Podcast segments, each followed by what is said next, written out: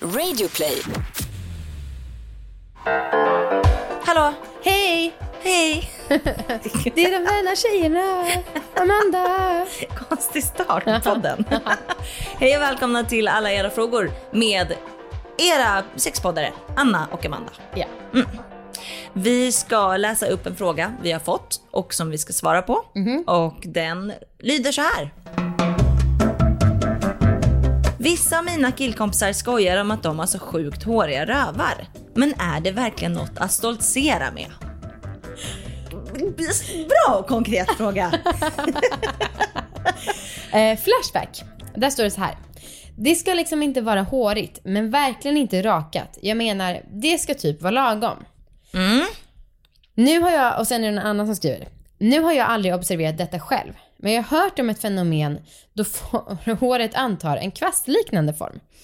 Alltså att hår från djupt där inne är så långt att det sticker fram en bra bit mellan skinkorna. Annars är väl ungefär två centimeter långt hår på eller mellan skinkorna. Inga konstigheter. Och sen en sista som skriver. Hellre lite hårigt än en sticksig rakad stjärt. Mm. Ordet stjärt alltså. Åh, det Det kan vi kul. diskutera i vårt svar. Ja, Anna, ordet stjärt, ja. det hatar jag. Stjärt. Ja, skinkor hatar jag. Mm. Det är vidrigt ord. Ja. Ehm, ja, alltså Marcus är ju väldigt eh, skygg med sin rumpa. Sjuk. Nej men jag har ju fått se hans rumpa bara nu de senaste typ två åren. Mm. Vi har ändå varit ihop liksom sju år. Just det. Eh, så att det är ju något nytt. Ja. Han har alltid gått, liksom, gått med rumpan mot väggen i mörker typ. Ja, Mm. Eh, han har ingen konstig rumpa. det låter så. Ja, men nej, han har en gullig rumpa. Okej. Ehm, den, eh, ja, den är väl lite hårig. Mm. Den är ju inte slät. Nej. Men Marcus är rätt hårig. Ja. Ehm, och jag har funderat över det där. Om jag skulle vilja att han var liksom rakad någonstans. Var fan ska han sluta? ja, det är väldigt konstigt för det blir svårt att göra en fin linje. Ja, alltså skulle han då raka sig på rumpan då? Skulle han då sluta precis under skinkorna? För där börjar ju resten av håren. Eller skulle han raka bröstet? Skulle han, var slutar han då? För Men det, det, Ska man då raka magen och sen måste han börja på pubis och sen måste han gå till låren? Alltså det är sjukt Han får svårt. väl ha någon sån expertbarberare som liksom kan göra fina Tunnar ut snitt. lite. Ja, precis. Att det blir etapper. Som Eh, gör som en uttunningskniv. ah. liksom. Ehm, jag kollade efter en fästing faktiskt i anus häromdagen. Ursäkta. Ja, men för att min katt hade liksom fått tre fästingar på samma dag ute på vårt landställe och då tänkte jag det är nog rimligt att jag har fått en fästing. Och så hade jag fått typ ett myggbett precis vid rumpslutet. Okej, vänta. Jag trodde att du menade i Viktors anus. Ah, nej! Nej, nej, nej, nej, nej, nej, nej, nej, nej, nej, nej, åh gud. Nej, jag tyckte det var därför jag reagerade så hårt. Åh gud, det skulle, som att han är min lilla bebis som jag ska sätta upp en supp i. Åh nej, för fan.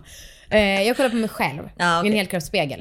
Eh, det var rent och fint och eh, väldigt glad för jag är inte så hårig. Alltså ibland kan jag känna att det är lite fjun liksom. Ja, ja. Och de gillar jag inte, men Nej. jag låter dem vara. Ja. Men vet du vad jag tänkte på då? Det är en liten parentes. Men för fan vad, det är, jag är inte van vid att anus är mörkt. Nej, jag vet. Vi måste Jag alla gå typ med, Ja, jag fattar typ den grejen. Fast alltså, det är bara för att man ser bara att det är liksom att huden ska gå ton i ton. Ja, Eller anus ska gå ton i ton med huden. Ja, jag vet. Ja, men den är, det är ju mörkare. Alltså Ja. det är väl naturligt. Men det är säkert jättebra och skyddande. Ja, säkert. Eh, Viktor har sagt att en av anledningarna till att jag inte får stimulera hans prostata, Ja. det är för att, han, ja, men för att han har ganska mycket hår i skink, mellan skinkorna. Ja, Ganska lagom tycker jag på själva rumpan. ja. Men då har han sagt att nej, jag tycker att det känns äckligt för tänk om det skulle fastna. Bajs där. Ja. Mm. Åh, det- åh, då har jag sagt att du kan väl duscha, herregud.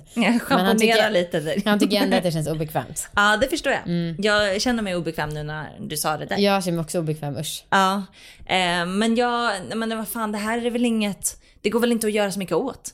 Nej. Alltså det är väl vad det är. Väl vad det är. Och så här, Men frågan är om man ska vara stolt över det. Mm, Det vet jag inte om man måste vara. fast ja, Jag tycker man ska vara neutral och lagom. men då skulle jag också vilja att tjejer kunde gå runt och vara stolta över att de har håriga ben. Ja. Mm. Så antingen får ju killar börja skämmas mer. eller så får tjejer vara mer stolta över sin behåring. Ja. Så någon slags Jag tror faktiskt jämvikt att jag behövs. väljer mer skam där hos killar då. Det Mer skam då? uppfriskande. Ah, Okej, så vi tjejer ska fortfarande få vara kvar i rakning? Ja, Okej, det tycker du. ja. Vi går härligt. vidare till Härligt experten. feministiskt sagt.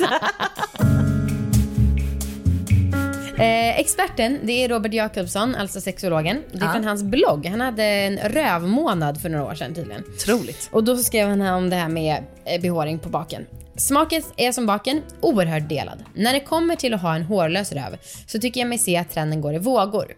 Under vissa perioder så verkar det vara hetast inom bögvärlden att ha en slät rumpa. Medan andra perioder så blir håret på röven en markering för maskulinitet. 2011 gjorde Sveriges Radio en oerhört spännande satsning där det djupgrävdes kring smuts. Och faktum är att en hel del kopplar just behåring till smuts. Att ta bort hår på kroppen är väldigt vanligt. Det är renrakade fittor, armhår som tas bort för att inte tala om olika ansiktsbehåringar. Men rövhår är hår som oftast finns där utan att alla tänker på det. En härlig kompis till mig i Stockholm fick fungera som bollplank initialt när jag skulle skriva detta blogginlägg. Det är mer uppenbart med män, även om det är mycket hår. Men jag har aldrig noterat hår mellan skinkorna hos en kvinna. Själv har jag aldrig tagit bort rövhår. Ja, så fortsätter han. Men att ta bort rövhår har många andra av mina tjejkompisar. Du kommer upp, ofta upp i samtal kring vaxning. Ja, jag tog även bort håret i röven. Kanske beror det på att, jag, att det skulle se märkligt ut att vara renvaxad runt fittan men ha kvar hårstrån i röven.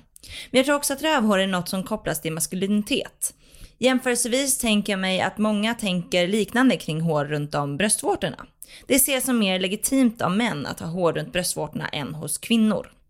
När Jean-Luc Hennig, författare som har skrivit en bok om röven, diskuterar idealstjärtar beskrivs en stjärt utan hårighet, utan anus eller utan antydan till könsorgan som en silkesren stjärt, särskilt tilltalande för dem som tycker om fastheten, för den föreföll ännu inte helt mogen.